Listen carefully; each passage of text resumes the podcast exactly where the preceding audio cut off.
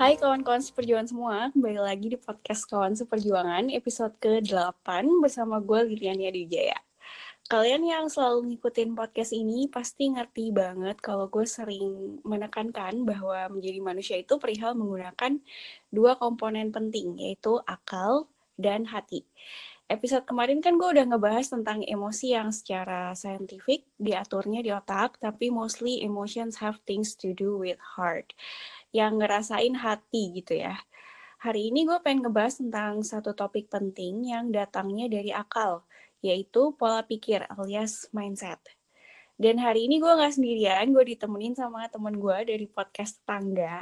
Silahkan Pep memperkenalkan diri. Iya, halo. Halo semuanya, uh, perkenalkan nama aku Febrias. Panggilan bekennya sih Pepi atau Feb Go Green. Di podcastku uh, aku pakai Feb Go Green sih. Jadi aku dentist di salah satu pulau di Indonesia. Backgroundnya kan medis, jadi banyaklah belajar tentang ilmu juga yang lain selain medis di sekitarku, such as psikologi. Karena eratlah kaitannya dengan kesehatan tubuh kita secara uh, keseluruhan. Jadi aku percaya sih bahwa hati yang senang dan nggak tertekan itu obat lah yang paling manjur di dunia ini. Nah sebenarnya sih uh, untuk hubungannya sama mindset untuk topik kali ini podcastku kan pertamanya kemarin bahas tentang hal random sih contohnya tentang hidup makanya judul judulnya bahas sembarang ya bolehlah ntar check it sendiri sama podcastku gitu silakan li Oh, oke, okay. Okay. Jadi buat yang tertarik boleh banget ke podcastnya Pepi bahas bareng namanya. Oke, okay, kita langsung aja ya mulai bahas tentang mindset. Nah, mindset itu sendiri artinya apa sih?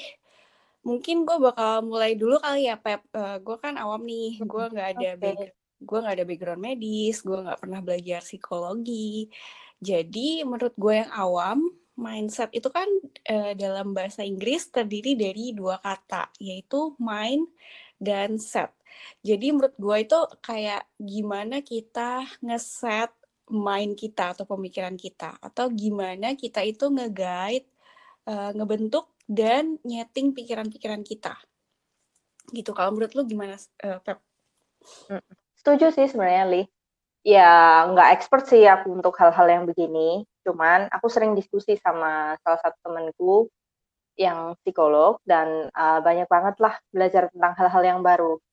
Jadi kalau aku mau bahas ini ya dari satu sumber buku, uh, aku sempat dapat dari temanku The Secret of Mindset judulnya. Pengarangnya itu Adi Wegunawan. Ini buku Gramedia Pustaka Utama 2017. Jadi uh, beliau membahas tentang mindset itu kalau bahasa Inggrisnya sih beliefs that affect somebody's attitude atau um, kepercayaan atau keyakinan yang mempengaruhi seseorang dalam melakukan sesuatu.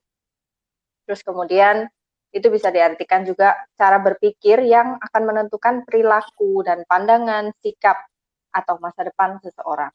Gitu. Oke, jadi uh, gue bisa menyimpulkan nih buat yang awam, uh, gue pakai contoh kali ya.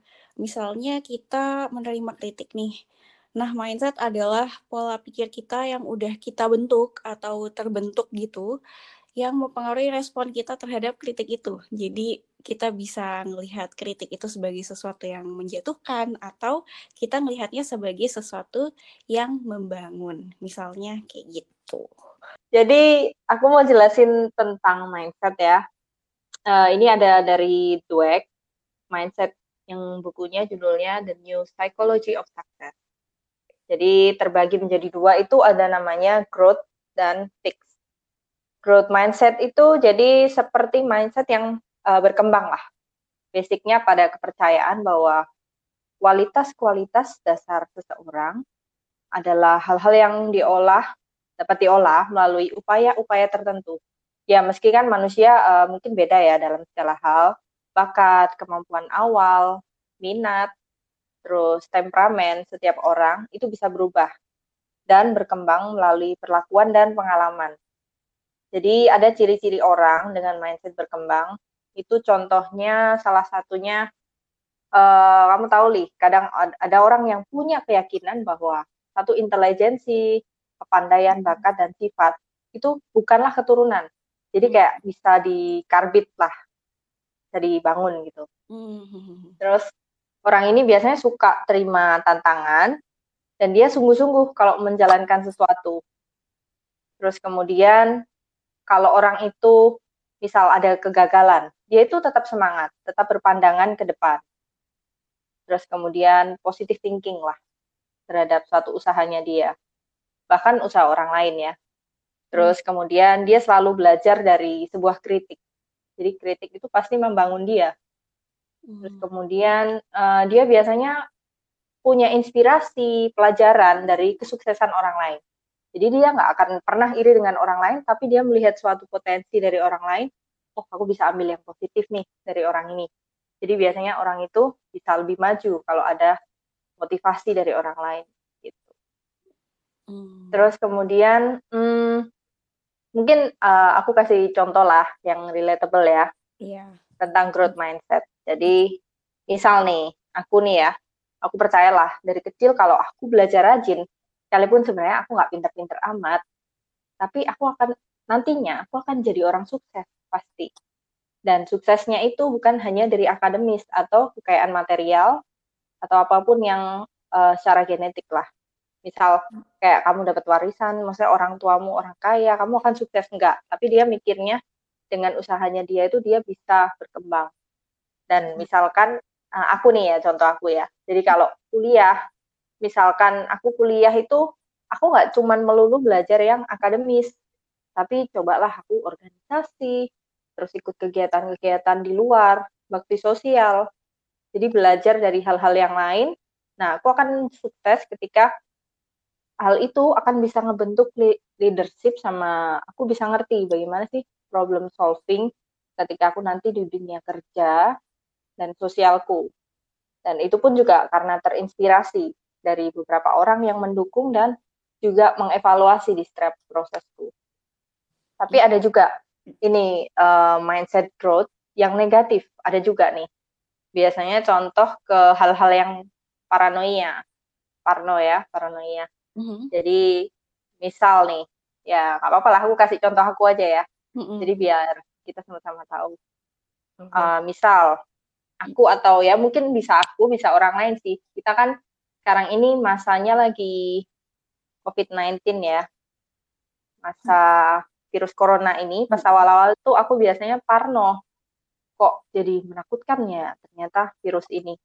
Dan karena aku dentis kan aku harus punya perlengkapan khusus ya. Tapi aku tuh saking parnonya memperlakukan semua pasienku itu seperti orang covid semua. Mereka nggak pakai masker aku marahin. Mereka um, meludah sembarangan mereka bersin sembarangan. Aku tuh langsung dalam hati mikir aduh parah ini kalau nanti masuk poli gigi gimana ini? Jadi aku sudah parno duluan karena ada berita informasi yang sebenarnya sudah masuk di mindsetku sudah mengubah cara pandangku terhadap manusia. Dan akhirnya aku merasa semuanya ini bervirus. Aku ini harus protek diriku sendiri. Jadi aku harus pakai alat pelindung diri yang ekstra gitu. Dan ketika aku menghadapi pasien itu, aku ragu-ragu gitu buka mulutnya. Padahal sebenarnya dia nggak ke mana-mana juga sih. Dia nggak dari red zone misalnya. Tapi aku berlakukan dia seperti sudah bervirus gitulah. Hmm. Nah aku malah jadinya karena ragu-ragu, aku nggak fokus sama keluhannya. Bahkan detail-detailnya, giginya apa aku cuma buka sekilas gitu. ya udah pak, kayaknya harus dalam hati kayaknya kasih obat aja lah. Karena memang himbauan dari pusatnya kan ya kamu hati-hati dokter gigi jangan sampai tertular harus lakukan yang emergensi aja gitu. Dan hmm. waktu aku mengalami ada juga beberapa orang yang sakit lah karena covid di sekitarku. Karena kan awal-awal aku juga turun untuk pemeriksaan ke masyarakat. Nah aku mungkin di posisi ini aku kayak dalam hati kurang bersyukur ya. Uh, aku seperti merasa stres sendiri gitu loh. Hmm. setelah dapat berita aku merasa aduh aku kok harus kerja di satu uh, tempat yang mengharuskanku bertemu dengan orang-orang yang bisa berpotensial menularkan virus gimana hmm. ya gitu. Ya itu kan growth yang negatif ya. Jadi kayak itu menguras fisik dan mentalku. Jadi hal-hal yang menjadi kepercayaanku pada awalnya sebelum tahu tentang covid. Misal kayak aku harusnya tahu ilmu virologi ini kayak kamu kena flu yang terpenting itu daya tahan tubuhmu. Kalau kamu sebenarnya sehat-sehat aja pikiranmu baik, terus mentalmu baik, itu virus tuh akan mati sendiri. Intinya antibodimu Hmm. itu akan melawan gitu loh. Hmm. Nah, makanya aku sekarang belajar untuk uh, pelan-pelan turunin growth mindset yang jelek gitu ya. Jadi Hmm. jangan paranoia lah dan punya asumsi sendiri tentang waktu pandemi masa pandemi inilah gitu. Hmm. Oh, jadi kalau, Kalau paranoia tuh juga masuknya ke growth mindset ya? ya itu sih bisa seperti itu. Mhm. Growth mindset yang negatif gitu. Mhm. Kalau kamu Li, kira-kira ada uh, experience apa nih hubungan Eh. dengan growth mindset? Eee, apa ya, kalau gue itu kayaknya sebenarnya nggak, eee, mindset gue tuh nggak terlalu berkembang mungkin. Cuma gue ada satu satu experience lah yang yang gue pernah apa, pernah mengalami gitu ya. Itu waktu gue ngambil kuliah desain sih. Jadi, mmm, gue tuh kan dulu zaman sekolah anaknya, eee, pragmatis banget lah ya, matematika banget, otak kiri banget lah pokoknya. Terus pas gue masuk ke desain pertama kali, ya gue sebenarnya udah sadar diri sih kalau gue itu nggak ada natural talent lah di desain itu. Even kayak bokap gue juga, eee, pas gue bilang gue mau mau ngambil kuliah desain, dia kayak bilang terang-terangan gitu ke gue, kayak, "Li, lu tuh" eh, lu, "Li, kamu tuh analytical thinking banget anaknya," kayak gitu.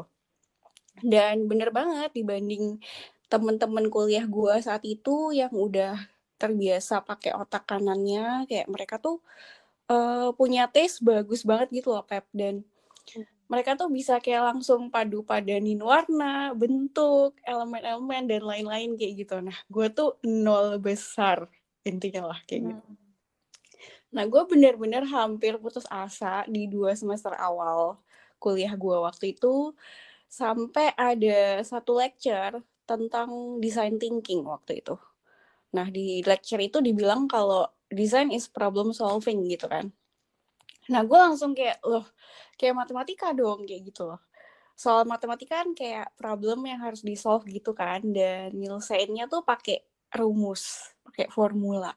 Nah, sejak itu gue mikir, oke, gue bisa pakai strength gue gitu loh. Gue bisa pakai otak kiri gue ini untuk approach design. Jadi setiap kali ada project dari kampus ya gue kayak semacam bikin analisis gitu, analisis project itu, terus gue jabarin semua kayak problem-problemnya, problem ruang, problem kebutuhan pengguna, dan lain-lain. Dan gue bikin kayak formulanya dalam bentuk konsep desain untuk nyelesain problem yang gue analisa tadi. Nah, intinya cara pemikiran gue ini bener-bener mengubah nasib gue saat itu. Gue inget banget pas semester 3 tiba-tiba kayak nilai gue tuh dari yang C, D, terus naik jadi kayak ke A, B kayak gitu. Wow, Setelah keren sih, keren. Iya, setelah gue menggunakan cara pemikiran yang ini dan approach gue ini tuh gue bawa sampai sekarang, percaya nggak percaya, sampai di kerjaan gue gitu. Nah, jadi kalau orang-orang yang menilai desain gue ditanya kayak dosen gue waktu itu atau klien-klien gue sekarang ya, kalau ditanya apakah desain gue bagus karena taste gue itu bagus, gue yakin mereka jawabnya bukan karena taste gue yang bagus. Uh, desain gue bagus itu mungkin karena konsep gue yang kuat kayak gitu. Dan konsep gue kuat ini karena uh, analytical thinking gue tadi itu. Uh, strength gue tadi gitu. Nah, sedangkan taste itu uh, menurut gue datang dengan sendirinya gitu loh dalam perjalanannya waktu gue belajar dulu di kuliah terus waktu kayak gue uh, ngerjain project-project di kerjaan gue sekarang gitu.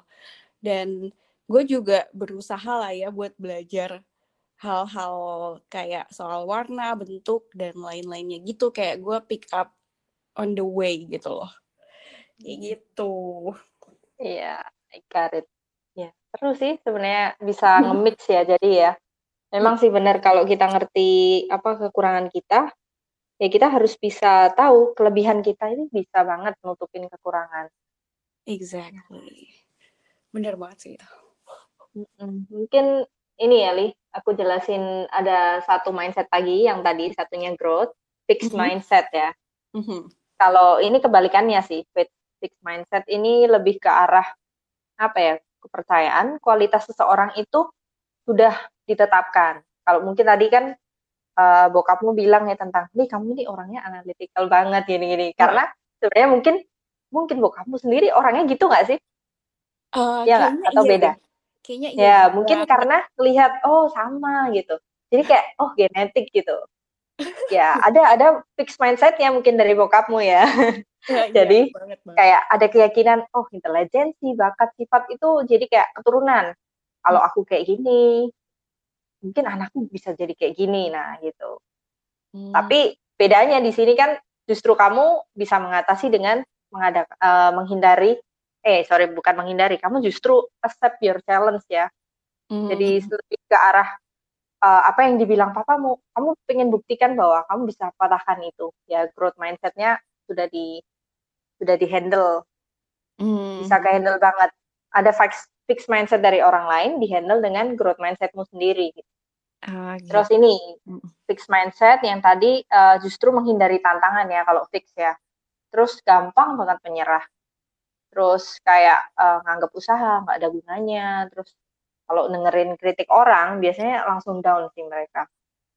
Hmm. terus hmm. kadang mereka juga ngerasa terancam lah dengan kesuksesan orang lain. Jadi kayak iri mungkin ya. Hmm. gitu ya bedanya lah pokoknya beda banget lah sama si growth tadi. Hmm, gue tuh ada kenal kayak beberapa orang ya Pep yang uh, apa sih mereka tuh punya moto hidup kayak uh, buang beli baru itu juga fix mindset kan sebenarnya. Jadi iya ya. jadi kalau misalnya kayak lem baru lem biru ya katanya ya. Iya jadi kalau misalnya ada sesuatu yang broken gitu terus mereka kayak ya udah buang aja beli baru kayak gitu. Bukannya berusaha kayak memperbaiki iya kalau itu apa ya li ya? Kalau itu lebih ke arah uh, berarti dianya sendiri nggak pengen memperbaiki dan kayak menganggap malah kurang bersyukur ya dengan apa yang ada ya. Mm-hmm. Itu itu banyak faktor sih sebenarnya. Kalau jadi hal-hal begitu kan ada pengaruhnya kayak misalkan keluarga. Misal nih, kamu ngelihat satu barang mainan ya.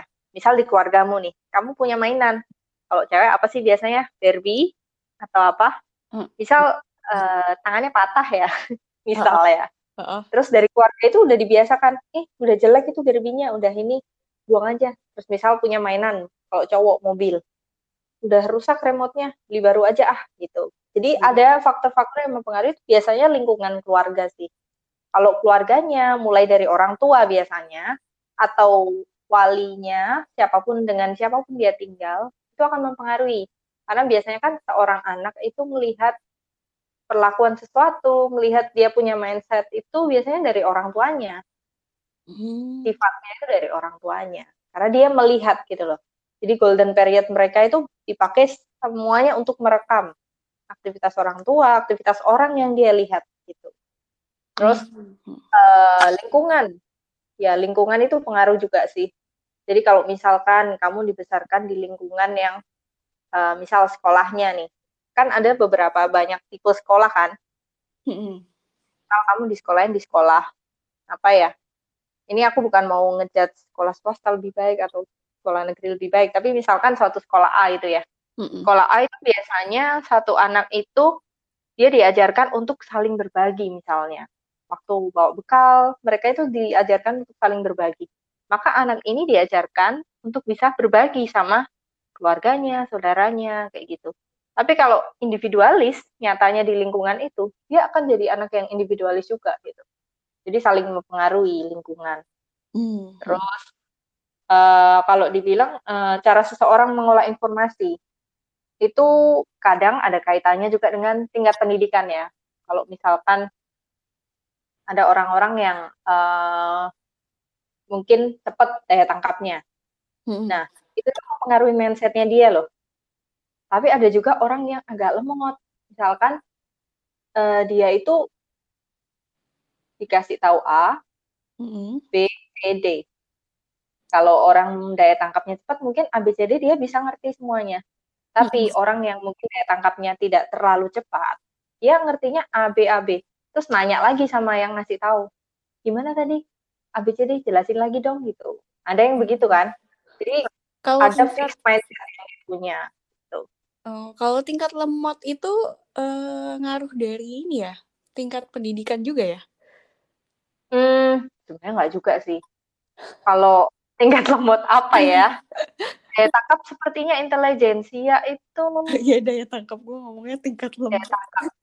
tingkat lemot apa ya ya bahasa gampangnya gitu ya tingkat apa ya ya ada yang genetik ada juga yang pola belajarnya dia mm-hmm. tapi itu, itu berpengaruh sih cukup mempengaruhi mindset ya ya cukup. Mm-hmm. jadi biasanya itu juga pengaruh sama keyakinan Misalkan kalau di Indonesia kita tahu Pancasila kan, mm-hmm. dan Pancasila sila pertama kita tahu itu. Tapi ada juga mungkin di negara lain, mungkin di tempatmu sekarang li kan beda-beda. Mm-hmm. Percayaan orang itu bagaimana, keyakinannya dia gimana. Gitu. Mm-hmm. Oke, okay. jadi kalau dari yang gue baca, pembentukan mindset ini tuh sebenarnya paralel sama pembentukan karakter. Bener gak sih Pep? Uh, eh, gue ada baca satu buku sih. Uh, iya, bener sih. Hmm, dan mindset ini sendiri tuh uh, banyak determine our character gitu sebenarnya. Dan soal karakter ini uh, udah pernah gue bahas di episode uh, sebelumnya, episode 3. Dan seperti halnya karakter, mindset ini tuh uh, terbentuk dan dibentuk. Jadi kalau misalnya kalian merasa perlu untuk mengubah mindset kalian, itu bisa banget, ya nggak Pep?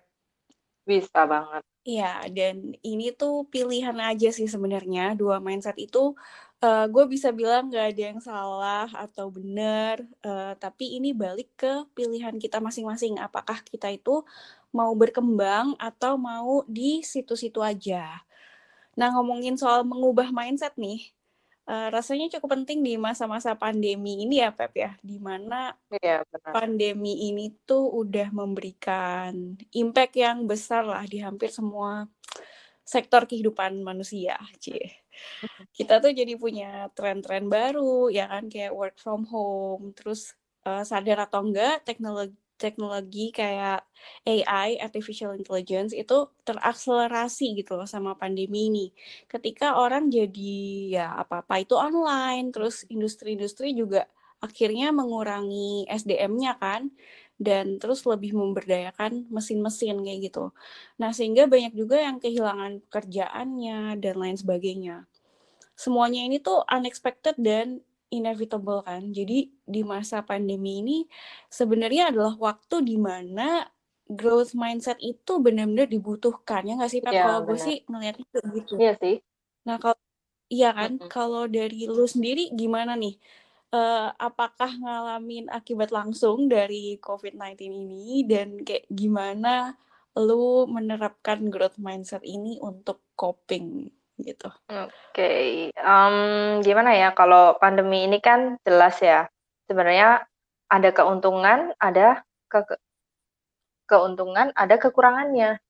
Jadi kalau waktu hmm. pandemi gini kan uh, karena dokter gigi ini susah ya untuk work from home mungkin kalau di kota-kota mungkin mereka bisa lah uh, apa ya kadang ada kalau misalkan dosen atau apa mereka ngasih tutorial online kuliah online ada yang bayar dengan harga murah ada yang gratis. Tapi ya jelas sebenarnya seluruh dentis di dunia ini udah apa ya istilahnya seperti berhenti praktek sebenarnya. Dan aku sih untuk di desa ini lebih fleksibel sih. Dan karena bukan red zone jadi ya masih aman lah masih bisa kerja ini itu. Cuman ya yang emergency dan yang gampang-gampang aja sih. Terus di sini kan memang tetap pakai protokol ketat sesuai di dari pusat. Terus uh, aku pakai ini sih alat pelindung diri yang lengkap. Jadi hmm. ya lebih kerasa safe lah.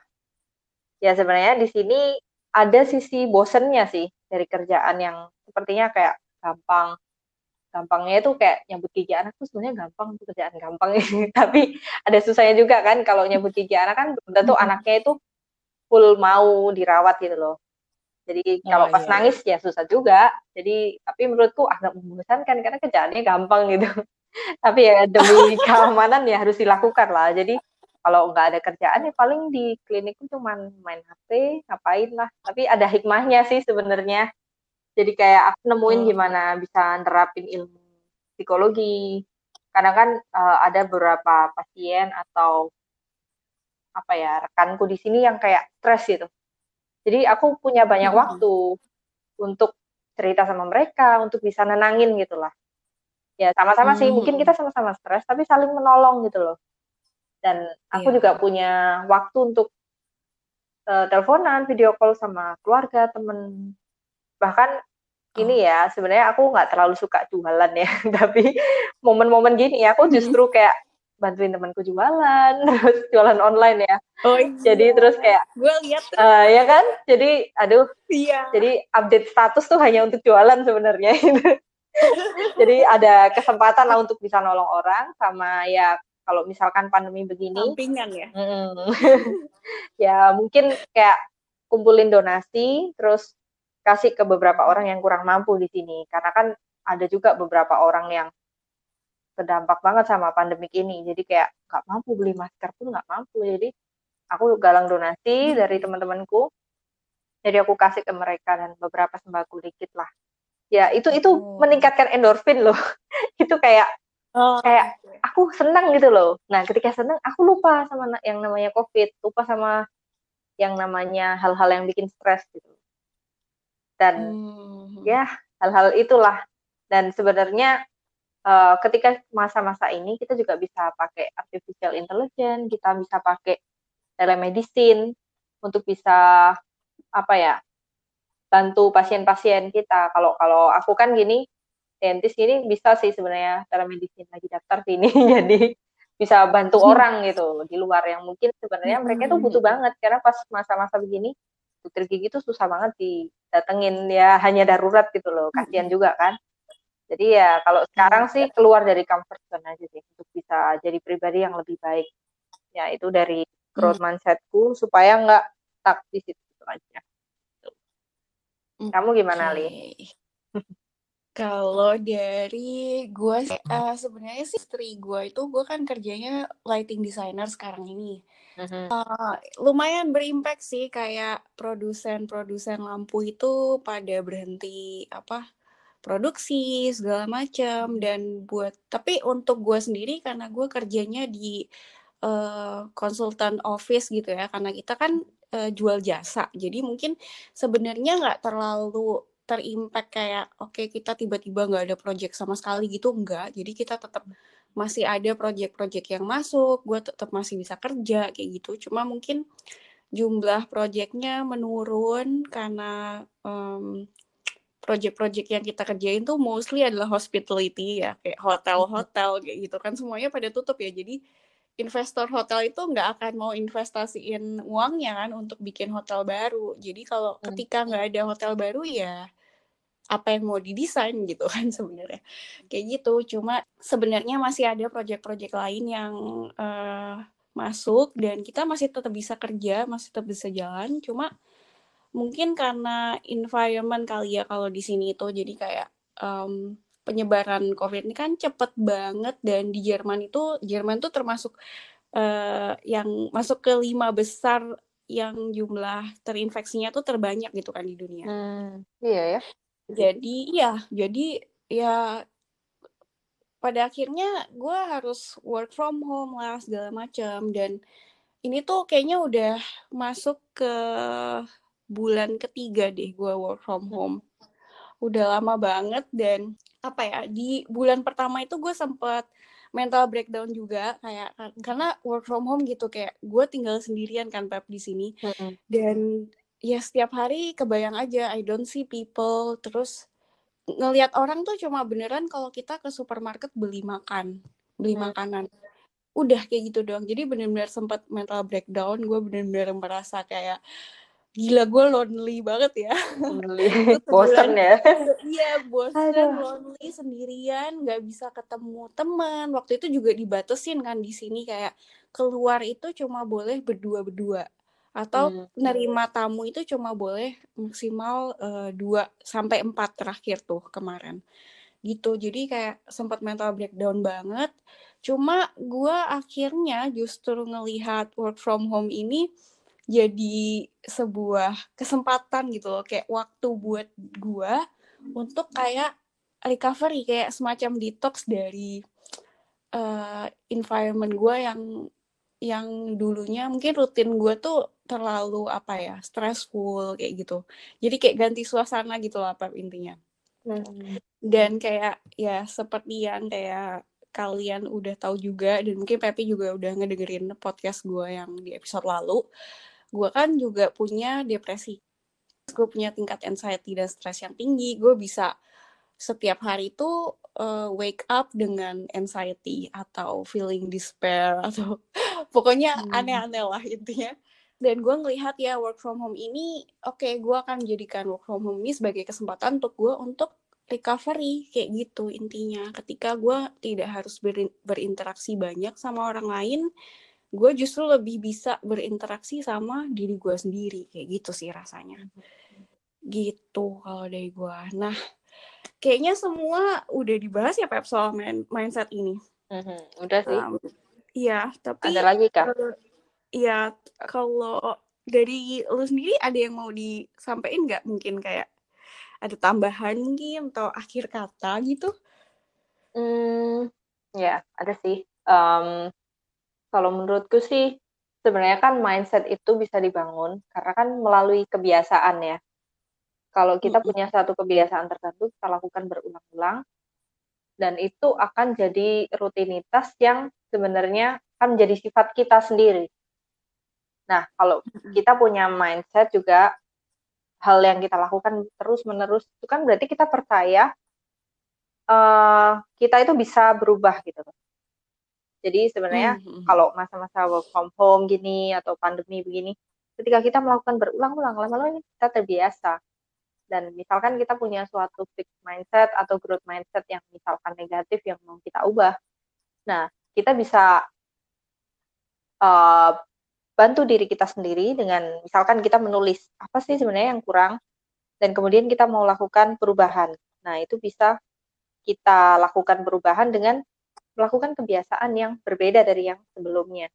Tentunya yang baik ya. Dan kita juga harus memilih lah kepercayaan kita, misal keyakinan kita punya keyakinan tertentu, kalau misalkan itu dari suatu lingkungan. Nah, kalau lingkungannya misalnya berpengaruh, kita bergaul dengan orang yang uh, misalkan negatif atau orang-orang yang suka membuli, nah itu biasanya akan menjadikan kita kebiasaan kita itu jadi uh, buruk gitu loh. Karena kan pergaulan itu menentukan hmm. kebiasaan kita.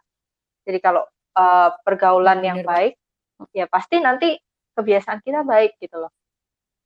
Nah, kalau kita ngisi mindset hmm. dengan kepercayaan dan hal-hal yang membangun tadi, pola pikir, mental kita terbangun. Nah, itu yang paling penting karena kalau kita juga bergaul dengan orang-orang yang uh, vibes-nya jelek, ya nggak usah lah. Pasti bikin kita tambah drop. Pasti bikin kita jadi toxic gitu. Hmm. Makanya kita harus uh, selektif lah dalam membangun pergaulan. Oke. Kalau dari gue sih, gue cuma mau menekankan aja kali ya bahwa mindset ini tuh cukup penting karena uh, mindset itu kan terbentuk dan dibentuk ya, dan kita tuh bisa membangun kayak yang Pepi bilang tadi. Jadi sebenarnya mindset yang kita pilih itu akan menentukan gimana kita ke depannya gitu. Mau berkembang jadi uh, pribadi yang lebih baik atau mau di situ-situ aja. Dan ini tuh nggak cuma mempengaruhi soal personal growth, uh, tapi juga career growth, relationship growth, dan semua aspek lain dalam hidup kayak gitu. Uh, Oke, okay, kayaknya sekian kali ya perbincangan soal mindset hari okay. ini. Um, ya, semoga bermanfaat buat kalian yang ngedengerin. Bermanfaat banget lah, Li. Ya, semoga ya, amin. Yang ngedengerin bisa kayak uh, dapat insight kayak gitu. Terus, ya semoga berguna aja buat kalian yang ngedengerin. Dan gue Lilian Wijaya uh, bersama dari Bahas Sembarang. Oke, sampai jumpa di episode selanjutnya. Dan selamat berjuang. Selamat berjuang.